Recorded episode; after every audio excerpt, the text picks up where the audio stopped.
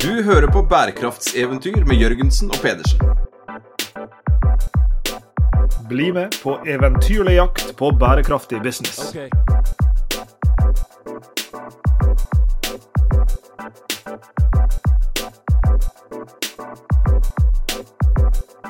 Du kan ikke kaste en stein langt i dette landet Sveinung, uten å treffe et eller annet som har med offentlig sektor å gjøre.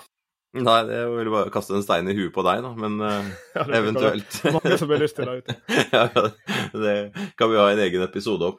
Eh, Sign up via Google Forms. en, eh, et annet bilde da blir jo å kaste stein i, i glasshus, for eh, har du egentlig noensinne sånn på ordentlig jobba utenfor offentlig sektor, eh, Lars Jakob? Ja, det er et godt spørsmål. I, i så fall bare på deltid. Ja. Jeg, jeg sitter vel i, i styret til uh, noen selskap utenfor uh, offentlig sektor. og uh, jeg har jo hatt deltidsjobber i min ungdom, men, men vi har jo levd våre liv jeg og du, Sveinung, i, uh, i denne sektoren, O-sektoren.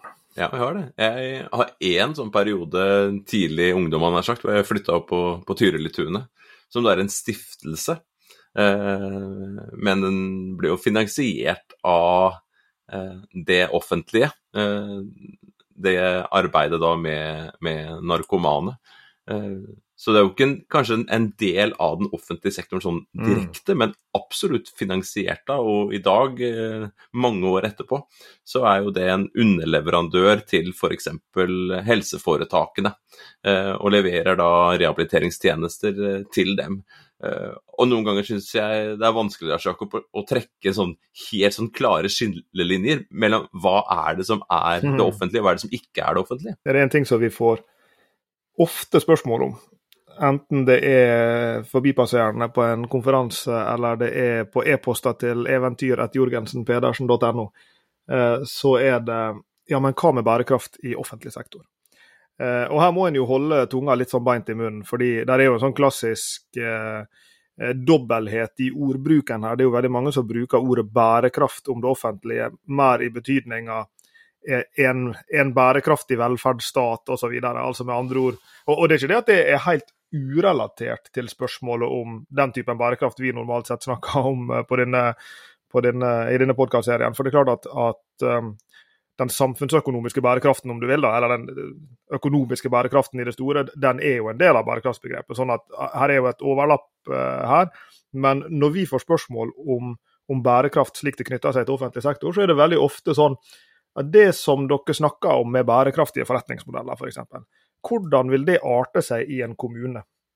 Eller når vi kjørte eh, sånn lederutviklingsprogram for, for statsforvalteren, et av forvaltningsnivåene i offentlig sektor, så, så var jo det mange, mange av deltakerne der også som, som nettopp var interessert i det her med ja, men hvordan skal vi tenke om sammenhengen mellom det som vi kanskje kan kalle bærekraftig business, altså alle disse måtene sosial, miljømessig og økonomisk bærekraft griper inn i bedrifter sin hjørne og laden, og hvordan det skal komme til eh, til uttrykk da i, i, i ulike typer forvaltningsledd i, i, offentlig sektor. Og vi skal på ingen måte eh, nær sagt komme til bunns i alle disse spørsmålene her bare i denne ene episoden, men vi hadde lyst til å kanskje gå inn i det og trekke opp et slags lerret her. da. Eh, fordi er det én ting som er helt sikkert i et land som Norge, hvor eh, vi har en såpass stor og, og omfattende offentlig sektor, og det er jo sant for veldig mange andre land, eh, så er det jo det at vi vil aldri lykkes med et grønt skifte, eller vi vil aldri lykkes med bærekraftig utvikling hvis vi ikke også lykkes med det innenfor den delen av økonomien, innenfor den delen av samfunnet, innenfor den delen av verdiskapinga som uh, skjer i offentlig regi. Hvis du skulle kasta litt stein, da. Jeg nevnte uh, arbeidsgiveren din, eh, Lars Jakob. jeg antar du har sendt noen unger av gårde på, på skolen i, i, i morges. Mm. kanskje noen har tatt buss, offentlig eller privat. Du sitter på NHH, som jeg nevnte. hvilke andre ting, hvis du skulle ta en sånn der, sånn top of mind, eh, offentlige interesser eller eh, virksomhet har du, har du, rundt deg i det, det daglige? Har hjulpet meg. Som, som, vi var inne på, vi, vi, vi går jo og tråkker i det direkte eller indirekte hele tida. Og, og, uten å på noen slags måte skal, skal prøve å lage en, en, uttømmende liste, så tenker jeg at her er jo litt sånn ulike fasetter av det offentlige som, som som griper inn i kanskje det som vi skal snakke om i dag. da, fordi Jeg, jeg sa her i stad at jeg sitter i styret til, til, private bedrifter, altså helt ordinære bedrifter om du vil. Eh, jeg sitter jo også i styret til Vinmonopolet. Veldig mange har vært på dette spilles inn rett på nyåret, veldig mange har vært på Vinmonopolet i løpet av de siste ukene eh, som, som, kunder. Eh, og det er klart at Der skiller vi jo oss fra, fra, rest, fra mange andre land i verden ved at det, den omsetninga skjer i, i, offentlig regi. Og det er fare for å begynne å komplisere med en gang her. Det er jo, det er jo et sånn eksempel som jeg syns er litt interessant. Jeg husker du sa til meg en gang, jeg tror du hadde lest i ei bok et sted, det var en eller annen som diskuterte det her med ok, vi har valgt å gjøre det sånn at store deler av helsevesenet er i offentlig regi, mens potetgullfabrikkene er i privat regi, men det kunne jo i teorien ha vært uh, omvendt, at staten tar seg av å levere potetgull til deg, og så får det private levere uh, helsetjenester. Så, så, det er jo en sånn, et viktig sånn, konseptuelt spørsmål. Det er jo sånn, Hvor skal grenseoppgangene gå for hva staten skal befatte seg med, og, og, og, hva andre aktører skal levere av verdiskaping og av tjenester og, og produkt og, og, you name it. Eh, men nå begynte jeg å komplisere allerede før jeg hadde forsøkt å, å beskrive. Men, men, det er sånn et eksempel på, på en type nå er jo ikke, eh, bedrift, altså, nå er ikke Vinmonopolet først og fremst en bedrift, Vinmonopolet er jo først og fremst et alkoholpolitisk virkemiddel. Men, men, det er jo et eksempel da på ok, her, her, er det en bedrift, massevis av butikker over hele det ganske land som vi kan gå inn i. Og når vi er der inne, så er vi i regi av offentlig sektor sin leveranse av eh, den tjenesten det er at du kan skaffe deg en flaske vin når du har lyst. Og så var du inne på det som liksom, vi mer generelt kan kalle det offentlige tjenestetilbudet. Det tror jeg vi skal, skal komme inn på en hel del. Du nevnte at døtrene mine gikk på skolen i dag. Eh, andre sender ungene sine i barnehagen. Noen går på sykehjemmet og besøker sin eh, gamle bestemor. Noen tar bussen. Overalt eh, hvor vi eh, beveger oss, så er det, er det et offentlig tjenestetilbud. Og Der er vi jo igjen i denne litt sånn interessante grenseoppgangen mellom da ja, noen, noen typer tjenester tilbys kun i offentlig regi. Noen typer tjenester tilbys kun i privat regi, og ganske mange tjenester tilbys både av offentlige og private. Og som du var inne på i stad, så er det til og med noen av disse, og, og av frivillige, unnskyld, vi skal også ta med dem, du nevnte Tyrili-stiftelsen. Men som du var inne på, så er det jo likevel noen av de tjenestene som tilbys av det private eller av frivillig sektor. Eller ikke frivillig, det er feil, feil term, men tredje sektoren da, på et vis. Eh, av andre typer virksomheter som verken er private eller offentlige av karakter. Stiftelser og you name it. Og, og de kan jo disse tjenestene også være finansiert av offentlige midler. Altså f.eks. at en rusrehabiliteringsinstitusjon får betalt en slags stykkpris eller en slags uh, pris for, for tjenester levert F.eks. over statsbudsjettet eller på andre måter. Du nevnte potetgull og helse, Lars Jakob. Eh, eh, jeg måtte, måtte google litt for å, for å finne fram til referansen. For eh, der jeg leste det, det var i Bent Sofus Tranøy sin eh, mm. bok 'Markedets makt over sinnene'. Eh, en provokasjon i bokform som vant Brageprisen i 2006, leser jeg her på Den husker jeg godt. Hat-tipp til Bent Sofus. Ja, absolutt. Eh, og han diskuterer jo noen av de tingene vi er inne på her. Eh, og, og sånn som du sa, da, dette her potetgulleksempelet, hvis vi hadde snudd på dette her, da. Hvis det hvis det offentlige hadde produsert potetgull, eh, og det private hadde stått for helsetjenesten, eh, ville man da tenkt på helse som noe som tappet verdier, eh, og potetgull som noe som frem... Altså, nei, nå, ble det krøll i krøll, i krøll men jeg skal leve med krøllet, og så får lytteren sette seg ned med penn og papir eller bruke Krøllet sine potetgull, riflet ja, potetchips. Ja, men det er spennende, for og, og, og, det er litt sånn i, i konteksten også når vi diskuterer dette offentlig, og du nevner Vinmonopolet, Lars Jakob, så er jo det rimelig sært i en global sammenheng. At man tar da ett eh, produkt eh, og velger å organisere det. det er liksom Potetgull blir nesten offentlig her. ikke sant? Sammenligner vi det med andre land, og da er det jo lett å dra over dammen og, og, og, i hvert fall tenke seg til USA, da, hvor en større del av helsetjenester er levert av private aktører som blir finansiert av en eh, forsikring. For ja, den må jeg bare skyte inn, fordi uh, jeg og du har jo en gang vært på The International Wine Monopoly Conference i regi av det norske Vinmonopolet. og De arrangerte den i, i, Oslo for noen år tilbake igjen.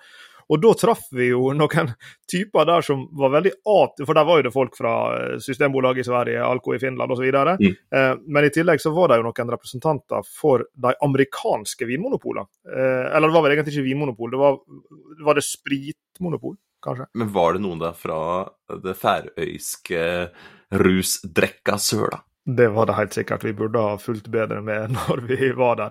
I alle fall var de her, disse amerikanerne fra jeg tror det var fra sørstatene til og med. Men det som var interessant der, og dette var det, var det vel en av eh, det var en, Nei, det var ikke en av dem. Det var en av, av, eh, av uh, folka i det norske vinmonopolet som forklarte det her med at de amerikanske monopolene de har en annen begrunnelse for å være til. De er på statlig nivå, og det jeg kaller en fiskal begrunnelse. De er rett og slett til for at staten lyst, eh, altså finner det som en formålstjenlig måte å hente inn eh, Kall det en slags, en slags, alternativ form for beskatning da, via nettopp denne produktkategorien her. Og, og, og der, der, er vi inne igjen da på noe sånn hvordan staten kan velge å, å og kall det eh, bruke disse typene modeller for å oppnå ulike typer offentlige mål. Da. Fordi at vi har som jeg sa i sted, et norsk vinmonopol og likeså de andre nordiske vinmonopoler, som har i all hovedsak en alkoholpolitisk begrunnelse. Vi skal forsøke å få folk til å konsumere alkohol på forsvarlige måter og i forsvarlige mengder. Mens da den amerikanske modellen den er jo akkurat like mye et monopol, men som jeg var inne på, for, kun for noen produktkategorier. og i noen på, stater. Ja, og i noen stater, definitivt. Eh, men, men, eh, jeg lurer på om det var primært for brennevin, men, men det er ikke så farlig. Men poenget er jo at, at de har også en monopolmodell i disse statene det gjelder, men de har den med en helt annen begrunnelse, med et helt annet mål, eh, nettopp fordi at de skal hente inn x antall dollar i sekken for å kunne finansiere andre tjenester som, som det offentlige skal, skal tilby. Så, og Der er vi jo igjen da inne på denne litt sånn komplekse grenseoppgangen mellom på den ene sida ja, hva er det offentlige, det offentlige skal drive med, altså med andre ord hva er det de skal, skal, gjøre, og kanskje til og med skal være den eneste som gjør, sånn som i tilfelle av et, et monopol. Eh, men det andre er jo også sånn, ja, og hvorfor er det de skal gjøre det, med, med, med hvilken hensikt, med hvilket eh, formål, og, og, det kan jo være helt, eh, helt ulikt. Og Jeg klarer ikke å dy meg, Sveinung, for du var inne på det her med eh, altså Vi var begge inne på det hvor krevende denne grenseoppgangen er mellom offentlig og privat. Og, og, det er jo en sånn Hvis du skal fortsette å kaste steiner, du skal ikke kaste mange steiner inn i norsk medielandskap før du treffer en eller annen som, som eh, beskriver det dit hen at liksom verdiskaping det skjer i privat sektor. Det som skjer i offentlig sektor, det er for alle praktiske formål et sugerør som blir stappa langt inn i en eller annen eh, kroppsåpning for det private for å suge ut verdier. Så, så, alt det som sykepleiere og leger driver med under en pandemi f.eks., er absolutt ikke verdiskapende. Nå karikerer jeg litt, men det der er jo en sånn klassisk greie. Og Jeg ble sittende på morgenkvisten her i, i litt sånn forberedningsmodus og lese den alltid interessante professor Kalle Moene Eh, på Universitetet i Oslo, som har skrevet en artikkel interessant som dere kan google, som heter 'Det avgjørende skillet går ikke mellom offentlig og privat'. Forskjell, forskjellene får dominere der likhetene er slående.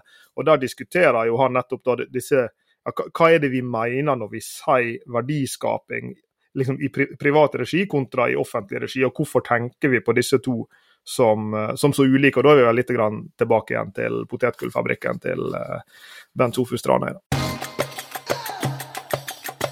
Check it out.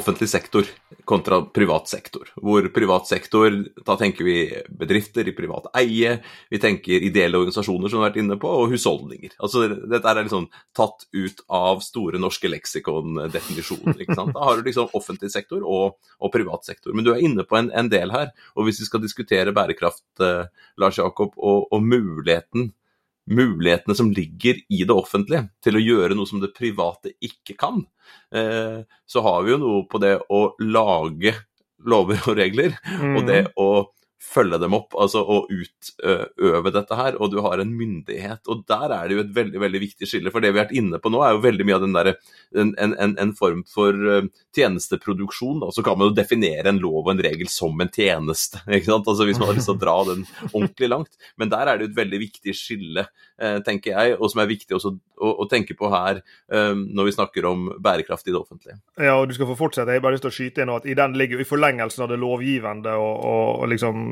Eh, alt som har med det å gjøre. Både når, når, når pølser lages, når loven lages og når loven skal følges opp uh, i, de systemene som gjør det.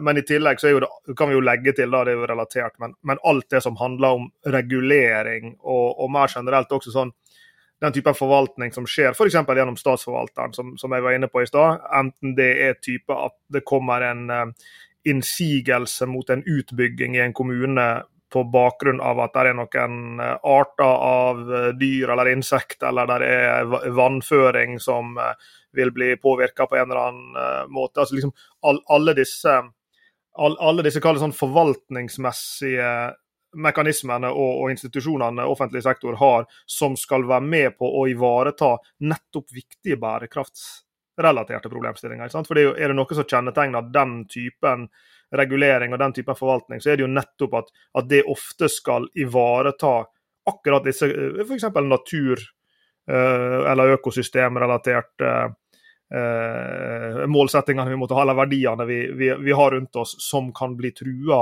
av aktiviteten, som for så vidt aktører i privat sektor, eller for den del aktører i offentlig sektor, kan, kan true med sin virksomhet. Så skal de i en viss forstand beskytte disse verdiene. Og nå som vi ofte har en litt sånn uh, ikke bias, men en litt sånn tendens til å gjøre, så begynner vi med det miljømessige. Men det er klart at her finnes det på akkurat samme måten slike typer regulatoriske myndigheter og forvaltningsledd som skal ivareta uh, sosiale kall det bærekraftsverdier, om du vil, da, enten det er knytta til anstendig arbeid, eller det er knytta til uh, ulike typer menneskerettigheter for den, sant, som skal ivaretas av, eller som staten skal beskytte og, og, og sikre at folk uh... Og så er det jo, eh, Vi var på vei over til uh, USA, og du tok oss inn i at det finnes monopoler også der.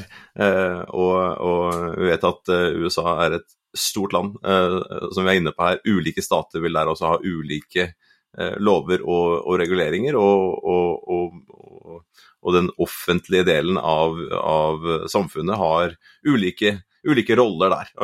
Så det er jo ikke bare sånn eller, eller slik, men kan jo brukes som en, et sånt, et, om ikke et speil, så i hvert fall sånn kontrast til et, et norsk samfunn da, uh, og en norsk stat. For uh, hvis vi ser utover USA også, så har jo myndighetene en, en 17., 18. eller 19., jeg vet ikke hvor langt vi har kommet på lista nå, eller Jakob, en imaginær sådan, så, så har jo myndighetene også Eller myndighetene, det offentlige, strekker seg langt ut, utenfor Norges grenser i tillegg. Vi er en del av EU. EU. Vi, en, en, vi er regulert av, av EØS, eh, om, om, man kan si at noe er regulert av EØS. i hvert fall. Er en medlem der, og det har eh, konsekvenser. Eh, du nevnte menneskerettighetene, ja, som er viktig nasjonalt, men som også er viktig internasjonalt. Eh, og så går du fra å, snakke om, om det grønne her miljøet. Ja, så har vi også den sosiale dimensjonen, og absolutt den økonomiske dimensjonen. Så, så, så sånn sett, globalt sett, det offentlige, med alle institusjonene og mer eller mindre gode samarbeid over i det nasjonale, og hele veien så har du både den sosiale dimensjonen, den økonomiske dimensjonen og den miljømessige dimensjonen. For uh, gjentatte ganger i de siste tiårene vi har jobba med dette, her, Jakob, så, så, så, hører vi ja, vi må vente på reguleringene. Ok, ja, hva med de internasjonale reguleringene, da? Vi får reguleringer nasjonalt, men hva med de internasjonale? Og der ser vi jo en, en utvikling eh, hvor man også ser i en bærekraftsammenheng at, at det offentlige da, eh, eh, setter andre typer grenser for hva bedrifter kan gjøre, hva husholdninger, hva privatpersoner kan gjøre, hva de frivillige eh, institusjonene eller virksomhetene kan gjøre, gjennom å regulere også dette bærekraftsfenomenet som vi nå diskuterer.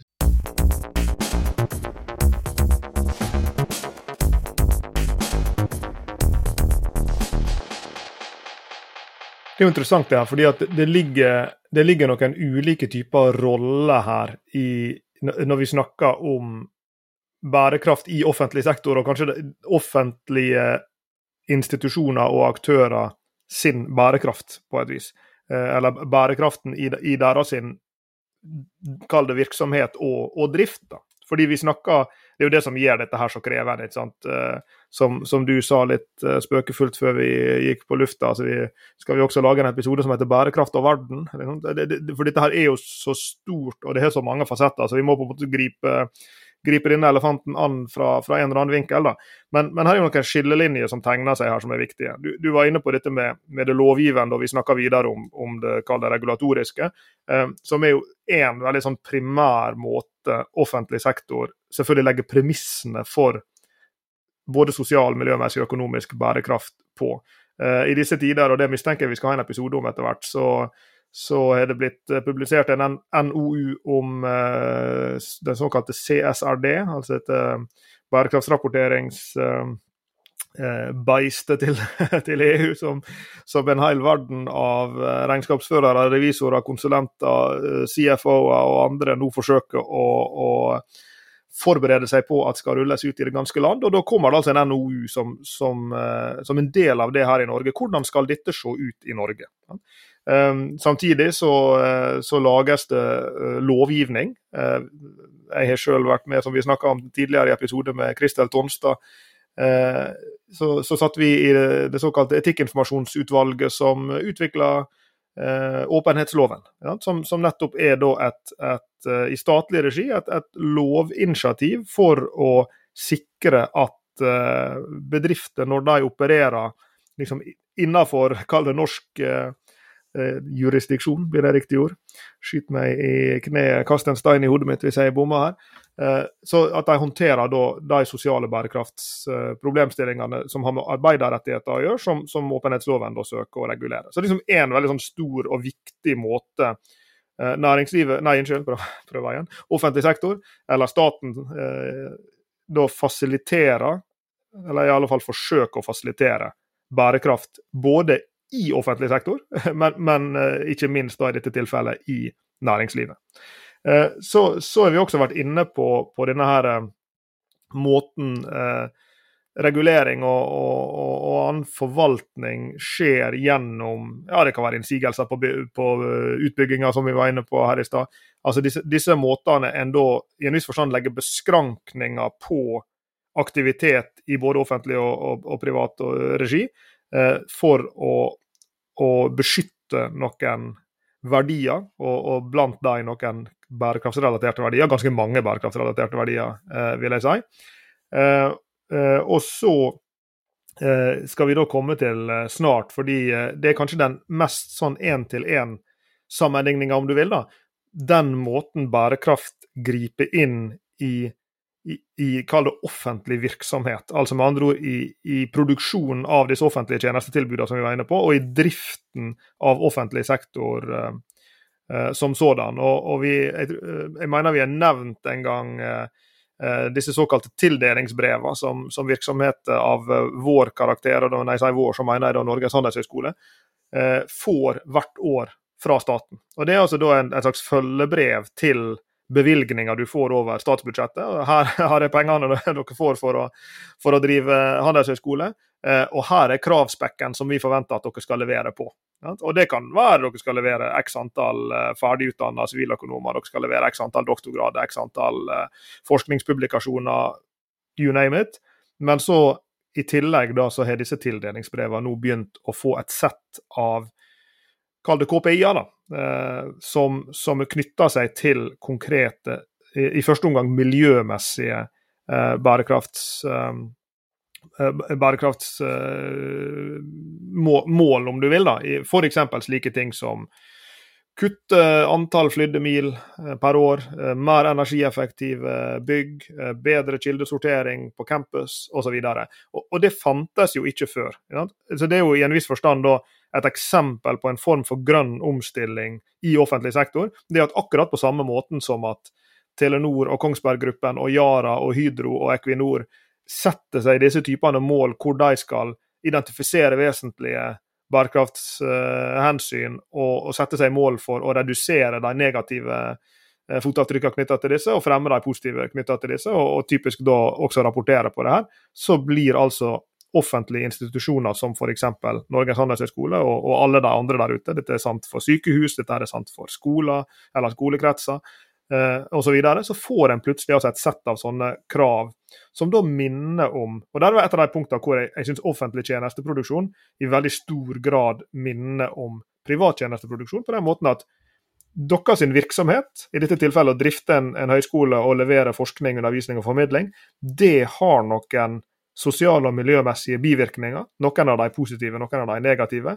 Eh, det skal nå følges med på, og dere skal sannsynliggjøre for oss, altså oss i betydning av eieren deres, staten, for, for uh, eh, NHH sitt uh, formål, er det Kunnskapsdepartementet, at dere skal sannsynliggjøre for oss at dere gjør mer av de tingene som skaper positive sosiale og miljømessige ringvirkninger, og mindre av de tingene som skaper negative slike. Og Det er vel på en måte den, den greien av offentlig virksomhet hvor jeg mener at at avstanden er minst, da, for å følge Kalle Moen, mellom, mellom den verdiskapinga som skjer i privat sektor, og den som skjer i, i, i, offentlig sektor, eller kanskje mer to the point, den virksomheten som foregår i privat regi, og den virksomheten som foregår i offentlig regi. Men her kan vel også, øh, å bruke dette ordet staten, Lars Jakob, her kan vel også staten regulere en privat utdanningsaktør sånn som BI. Eh, de får vel ikke et eh, tilsvarende eierbrev, for de er jo ikke eid av, eh, av staten. De er jo sikkert i stor grad, jeg kjenner ikke helt tallene, finansiert indirekte. De også ved at de får et tilskudd per, per student og, og, og, gjennom Forskningsrådet og, og, andre institusjoner, at de får støtte til, til kjerneaktiviteten sin. Men der er det ikke eierbrev, men der kan jo det offentlige også gå inn og regulere hva en sånn type institusjon skal eh, regulere, men ikke på samme måte. Nei, og der er vi, der er vi vel litt tilbake igjen på, på uh, Du nevnte Tyrili i stad, vi har vært inne på sykehusene. og, og du, tar, du, tar, oss også her inn i en litt annen Kall det funksjon som det offentlige har for å kunne fremme bærekraft. Og det er jo nettopp, som, som du er inne på, gjennom, gjennom kravene de kan stille også til aktører som ikke er under det offentliges direkte kontroll, men som mottar ulike typer overføringer eller betalinger fra det offentlige, som gjør at det offentlige blir satt i, i posisjon til å, til å, stille krav til dem. Ja? Mm. Uh, og, og, der var vi jo inne på um, uh, der var vi jo inne på liksom, Vinmonopolet er et eksempel da, her, som, som, får en veldig direkte det er liksom eid av Helse- og omsorgsdepartementet. NHH er eid av Kunnskapsdepartementet. Det er en veldig direkte eierrelasjon som gjør at, at en kan stille direkte krav. Tyrili-stiftelsen som du var inne på i stad, er jo ikke eid av det offentlige, men fordi at de skal levere rusrehabiliteringstjenester til eh, altså som, som, det offentlige skal finansiere, så, så regner jeg med at, at, de folka som sitter på kontoret til Tyrili, er, er ganske godt oppdratt i hvilke forventninger og krav som stilles fra det offentlige. Der er det jo an anbudsrunder, ikke sant, eh, ved ujevne mellomrom. Store anbudsrunder. Eh, og der kan jo det offentlige da gå inn eh, og si, eller da kjøper av tjenesten, kreve f.eks. På, på den grønne dimensjonen. Da. Og det, Der tror jeg ikke det har vært veldig mye i denne sektoren tidligere, med hva slags type biler er det som kjøpes, hvordan dere drifter mm. byggene. Altså den, den, grønne dimensjonen der har nok ikke vært vekta så mye før, men det blir spennende å se hvordan det blir vekta framover. Og når vi snakker bærekraft i det offentlige, så er jo det en av de virkemidlene som de som arbeider og har lederstillinger i det offentlige, uh, kan da påvirke eh, et grønt skifte positivt da, ved å, å gå inn og, og, stille krav i den type anbud, f.eks. Ja, og ikke minst, da, og her kommer vi jo inn på noe som, som har vært mye diskutert på, på, vårt felt, dette med offentlige anskaffelser som, eh, som altså, Hadde jeg fått 50 øre hver gang en eller annen enten skrev en kronikk eller holdt et foredrag om å bruke kraften i offentlige anskaffelser til å fremme bærekraft, så, så hadde jo ikke jeg uh, sittet her nå. Da hadde jeg jo vært på et cruiseskip som lå oppi badebassenget til et enda større cruiseskip. Som eh, alt var eid av meg, disse 50-øringene jeg hadde brukt for å, for å kjøpe det. For, for det har det jaggu vært snakka om lenge, og det har vært snakka om mye. Og det er kanskje begynt å skje, men kanskje ikke med den kraften som, som en skulle håpet. Er det drømmen din, Lars Jakob? Altså, å få nok penger til å kunne ligge i badekaret eller svømmebassenget i et cruiseskip som ligger i jeg, jeg, ser på, jeg, ser på, for mye tegnefilmer sammen med min yngste datter om dagen. Jeg, tenker, jeg, har alltid vært fascinert av denne greia med liksom et cruiseskip som er så stort at badebassenget på det cruiseskipet har et annet cruiseskip oppi seg. så, så, det var jeg ble låst i mine egne mentale bilder her. Men jeg, egentlig jeg har aldri vært på et cruiseskip. Jeg, jeg, har ikke veldig lyst, jeg syns det høres litt klaustrofobisk ut. Så, så, hvis jeg hadde fått velge, så, så hadde jeg vel heller brukt disse 50-åringene til å, å, kjøpe meg en privat sandflekk på, på ei strand et eller annet sted. Men det er en helt annen historie. Poenget var at offentlige anskaffelser, det Så en sandflekk? Nei, vet du. Hva går en sandflekk om eh, for om dagen? Jeg vet ikke. Det tror jeg er stor forskjell på Sahara og steder hvor det mangler sand kanskje jeg heller skal dra til en offentlig eid strand eh, og heller nyte det offentlige tjenestetilbudet som den oi, oi, oi. stranda tilbyr meg, for det er vel det vi stort sett uh, gjør når vi, skal, når vi skal bade. Men du, det var offentlige anskaffelser vi, vi snakka om, og, og, og, det er jo sånn igjen da, du, du brukte jo også eksempelet med anbud, ikke sant, og der er jo det Altså Det er jo flytende overgang der av ulike typer anskaffelsesprosesser. Men, men, det er jo åpenbart at med, med, den mengden av både produkt og tjenester som kjøpes inn i, i offentlig regi, så er det, er det kjempekraft i det. Så, så, um, Det er jo en grunn til at alle disse kronikkene har blitt skrevet og, og alle disse foredragene har blitt holdt. Så når jeg ironiserer litt over det her, eh, så er det jo rett og slett bare fordi en virkelig skulle ønske seg eh, kanskje at, at, det der skjedde med den samme kraften som det har blitt snakka om. da. Eh, men hvis vi skal prøve å være mer optimistiske, så, så kan vi vel si at, at, at, det kanskje begynner å skje. At disse kravene i større grad rulles ut, og at dermed det skjer en slags grønning av eh, anskaffelsesprosessene i det ganske land. Vi bruker jo ofte samlebegrepet bærekraftig business, eh, Lars Jakob, om det vi holder på med. Eh, jeg husker ikke de mest oppdaterte tallene, men eh, offentlig sektor ligger vel på en sånn 60% Skyt meg sammen med Lars Jakob hvis hvis jeg tar feil. Jeg kan i hvert fall våge å si at en, en, en stor andel mm. faller innenfor for den sekken i, i, i, i Norge. Og jeg har jo tenkt mye på det i det siste, og forberedelsen til denne, denne podkasten og, og, andre ting vi driver med, at, eh, at eh, det kan bli litt snevert å, å, bruke det bedriftsøkonomiske blikket, eh, på en måte. Så jeg vil jo gjerne si at det blikket, hvis blikket kan være bredere, jeg, jeg, prøver meg på det i hvert fall. Å ha et bredere blikk på dette her. Ja, for det blir jo ganske snevert. det er jo ganske snevert å, å, å, bare tenke det forretningsmessig, og det, det, det, er jo der vi på en måte kommer fra. Vi, vi, vi har ikke kommet inn i bærekraft gjennom det offentlige, f.eks. Der har vi kollegaer på andre institusjoner som har vært mer rendyrka på det.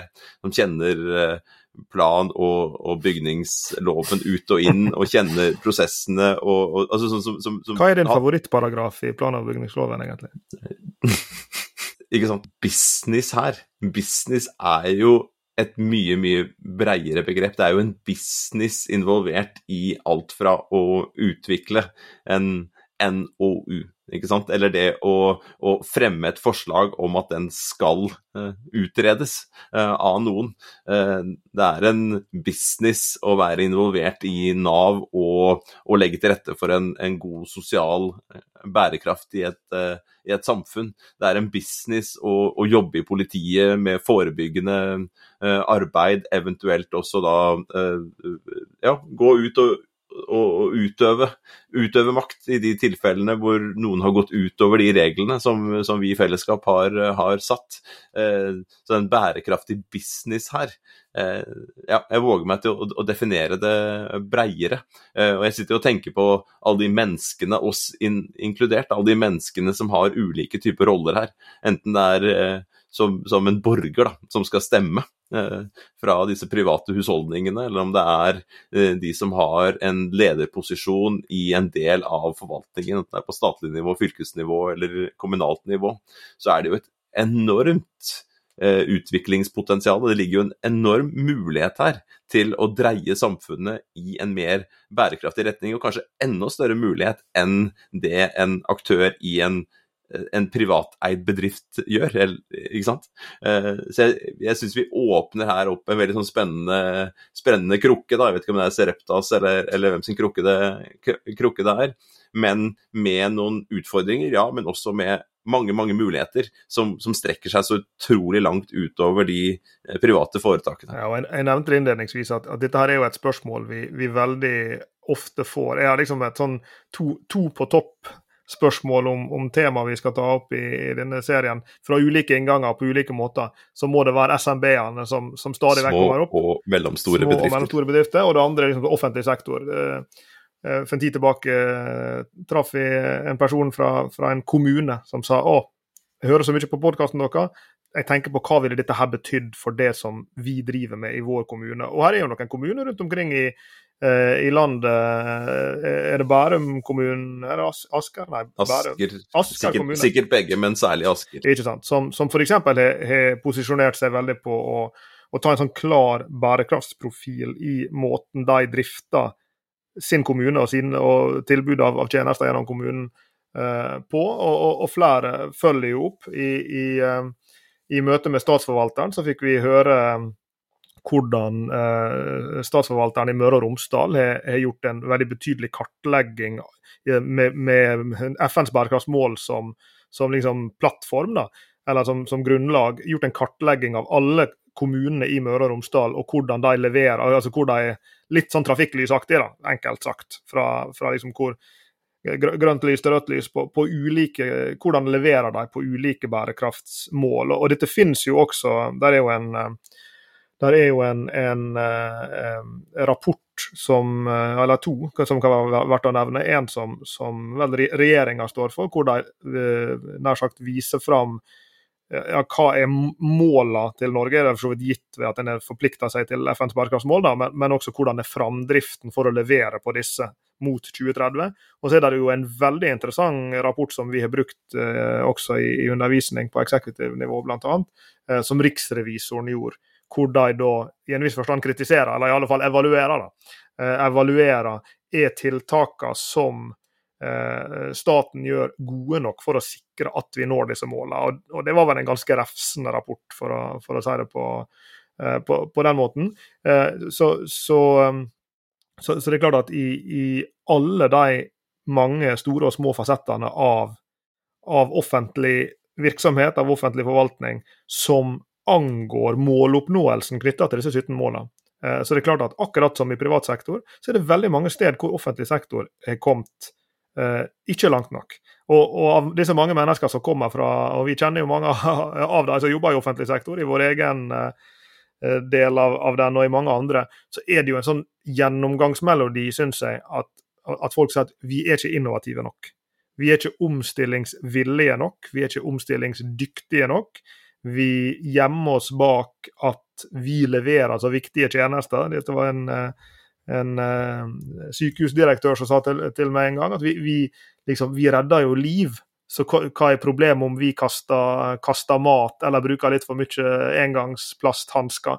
Eh, og, og, det var selvfølgelig et retorisk spørsmål han stilte med den klangbunnen at han mente jo at vi vil nå framover måtte levere på disse tingene her. Vi vil ikke lenger kunne klare å gjemme oss bak at vi leverer så viktige helse- og omsorgstjenester at vi liksom er fritatt fra disse kravene som, som stilles til, til, alle andre. Så den der omstillingsutfordringa som offentlig sektor står, står overfor der, den igjen minner jo veldig om den, eh, den private, og, og, og, jeg tror vi vil komme til å se ekstremt mye innovasjon i, i stort og smått, og veldig mye av innovasjonen er jo bevares og holdt på fryktelig lenge. Altså, Omstilling skjer jo hele tida. Men jeg tror at med det settet av krav som kommer nå, med det, de argusøyne som følger opp, eh, enten det er riksrevisoren eller andre som, som følger opp framdriften her, eh, så, så, vil det etter hvert bli vanskeligere og vanskeligere å gjemme seg også i alle mulige kroker av offentlig sektor, vår egen inkludert, eh,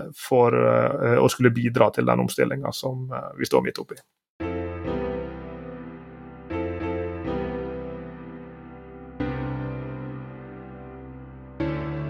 Vi har mange temaer vi skal dykke ned i eh, seinere her, Lars Jakob. Og vi har til dels de diskutert vært, vært inne på dette privat-offentlig samarbeid. Ikke så mye og ikke, ikke, med så tydelige ord, men vi har absolutt vært inne på at det er en relasjon der. At det er et samarbeid, at det kan være en konflikt, at det er at det er en, en, myndighet som regulerer både private aktører, men som vi også har vært inne på, som, som regulerer aktører som er en, en, en stiftelse f.eks., som, som, som er avhengig av finansiering av, av, det offentlige. Eh, vi har vært inne på det internasjonale perspektivet. Eh, det offentlige som en del av det internasjonale, og så er vi helt nede på eh, nivå kommuner. Det er jo begynt i dag også, når du har sendt av gårde ungene på, på, den offentlige skolen, som på, på morgenkvisten. Eh, og så er det én ting her som, jeg, som jeg, jeg, gleder meg til å gå inn i, og, og dykke litt eh, enda, enda, dypere inn i, ned i. Eh, og det er eh, det derre markedet kontra det offentlige. Mm -hmm. For det ligger noen ideer, tror jeg, planta ganske dypt ned i ryggmargen på mange av oss, at, at det som skjer i det offentlige, ikke er effektivt. Og skal det bli effektivt, så må markedet inn og, og regulere det. Uh, og jeg tror også det kan ligge en idé der hos mange på at det som skjer i det offentlige, det er egentlig bærekraftig. Uh, at, at, eh, sånn som du er litt inne på, her, trenger egentlig det offentlige å bekymre seg eller jobbe med bærekraft. Det gjør jo så mange ting allerede som er så viktig. Fra utdanning til helse. Vi regulerer uh, salg av vin f.eks. Og, og, og er opptatt av, av grønne miljø. og det har vi lover og, og regler som, som, allerede organiserer og, legger til rette for. Eh, men jeg er sånn usikker på det. altså sånn der, og, og, og jeg, tror jeg, jeg, tror vi skal ta det opp igjen. altså Du nevnte Kalle Mona. Det har vært artig å, å, å fått på besøk og diskutert mm. det. Der, det. Det skillet mellom de offentlige og private tjenestene. Eh, og er det egentlig så stor forskjell på dem, og er det nødvendigvis sånn at de tjenester som tilbys av det offentlige, er, er dårligere, har lavere kvalitet? At det er eh, flere kommunale arbeidere som står og, og, og ser på én fyr i en gravemaskin, enn det ville vært i et privat selskap. Så, men det han er inne på i den eh, kronikken du nevner, er at eh, de problemene man ofte ser i det offentlige, det ser man også ofte i de store virksomhetene. Eh, byråkratiske problemer, organiseringsproblemer, ligger ofte i virksomheter som blir for store. Man har eiere som ikke har full informasjon, man har ledere som ikke har full informasjon. Det må delegeres, og, man får eh, utfordringer der. Og jeg, tenker at det er litt lett å, å stemple med en sånn ryggmargsrefleks det ene eller det andre.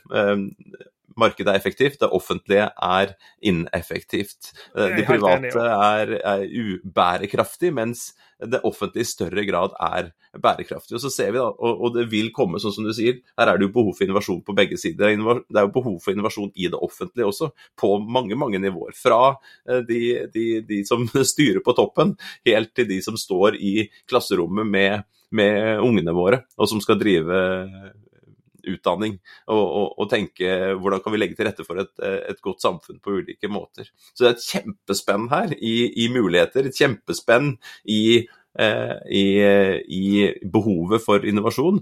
Eh, og det går ikke bare på privat sektor eller frivillig sektor eller offentlig sektor. Eh, det går i alle sammen, og absolutt så er det et stort behov for innovasjon på tvers av disse sektorene. Og la meg være helt tydelig her, for jeg brukte jo en, en, en stråmann her i stad. Eller ikke en stråmann, men jeg, jeg gjenga et, et, synspunkt som jeg ofte hører eh, fra ansatte i offentlig sektor, og jeg er som sagt sjøl en av dem, eh, om, om, denne manglende eh, innovasjonsviljen og evnen. Eh, og det er jo enda en sånn kanskje sånn, litt sånn forenkla bilde som en har. akkurat som du sa, Det er effektivt i privat, ikke effektivt i offentlig. og På samme måte liksom det er innovativt i det private og ikke innovativt i det offentlige. Men, men der er jo nok av eksempel som vi vet fryktelig godt, og vi har fått lov til å være med på mye av det også. På rommet for innovasjon i det offentlige, nettopp fordi at du ikke har de samme ja, kravene til inntjening, f.eks., for, eksempel, for, for å sette i gang et nytt prosjekt. Altså, vi er jo Eh, altså Den gangen jeg og du satte i gang eh, sammen med vår tidligere kollega Sunniva Whittaker et, et utvekslingsprogram for, eh, for masterstudenter til, til, i Brasil, og vi skulle, skulle, gjøre det her innenfor rammene som, som kall det universitets- og høyskoleloven legger, så var det jaggu mange krumspring som måtte til for å få dette her til å fly på en veldig kort tidslinje. Og i offentlig sektor så har du nettopp en hel del av den der tumleplassen og handlingsfriheten der, som kanskje ville ha vært vanskelig å sette for seg eh, i, i, en privat institusjon skulle tilby det samme. Så, så vi skal ikke overforenkle noen vei her. Men, men, det som vi beskriver her, er jo en, en opplevelse av en utfordring som mange i offentlig sektor kjenner på, akkurat på samme måten som du sier. Folk i store virksomheter i privat sektor også kjenner på det samme. Vi er ikke gode nok til å omstille oss, vi er ikke raske nok. Eh, vi klarer ikke å slutte å drive med ting sånn som vi alltid har gjort det, for å heller gjøre ting på smartere, grønnere eh, måter, osv. Og, og på slutten av dagen så, så handler det vel om å unngå apokalypsen. Tror jeg har øvd mye på dette her siden apokalypsen. Eh, og, og her eh, her har det offentlige mange muligheter. Eh, vi har noen navn på blokka her. Bent eh, Sofus Tranøy. Eh, forvent en, en, en, mail fra oss. Eh, samme Kalle Moene. Og så tenker jeg på Ulla Higdem her på tampen. Jeg nevnte plan- og bygningsloven, og da smeller hun til i, i hjernebarken min. Eh, tidligere kollega på Høgskolen i Innlandet, professor der, som er eh, som jeg gleder meg til å, å få på besøk. Og så skal vi lære mer om dette her, og så skal vi eh, Hva faen hva vi skal? Nei, det det, det veit vi heldigvis aldri.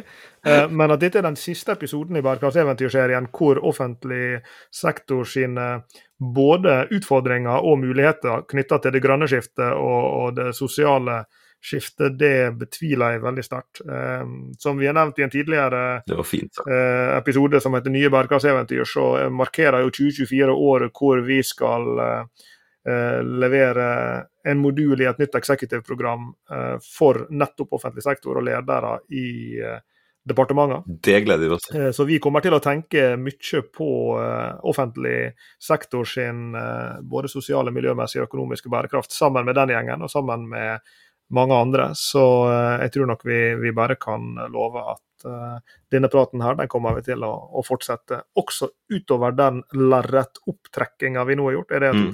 Hvis det ikke er et ord, så er jeg akkurat laga det. Bærekraft er det offentliges business. Mm. Ah, vi må jobbe litt med den der. Vi må finne en eller annen variant på det. Takk for praten, Lars Jakob. Likeså. Du har hørt på Bærekraftseventyr med Jørgensen og Pedersen. Send e-post til eventyr.krøllalfa.jorgensenpedersen.no for å stille spørsmål eller komme med forslag til tema for fremtidige episoder. Og besøk jorgensenpedersen.no for mer informasjon om denne podkastserien. Okay. Derfra kan du også fortsette samtalen med oss i sosiale medier på Twitter, Facebook, LinkedIn, YouTube og andre steder.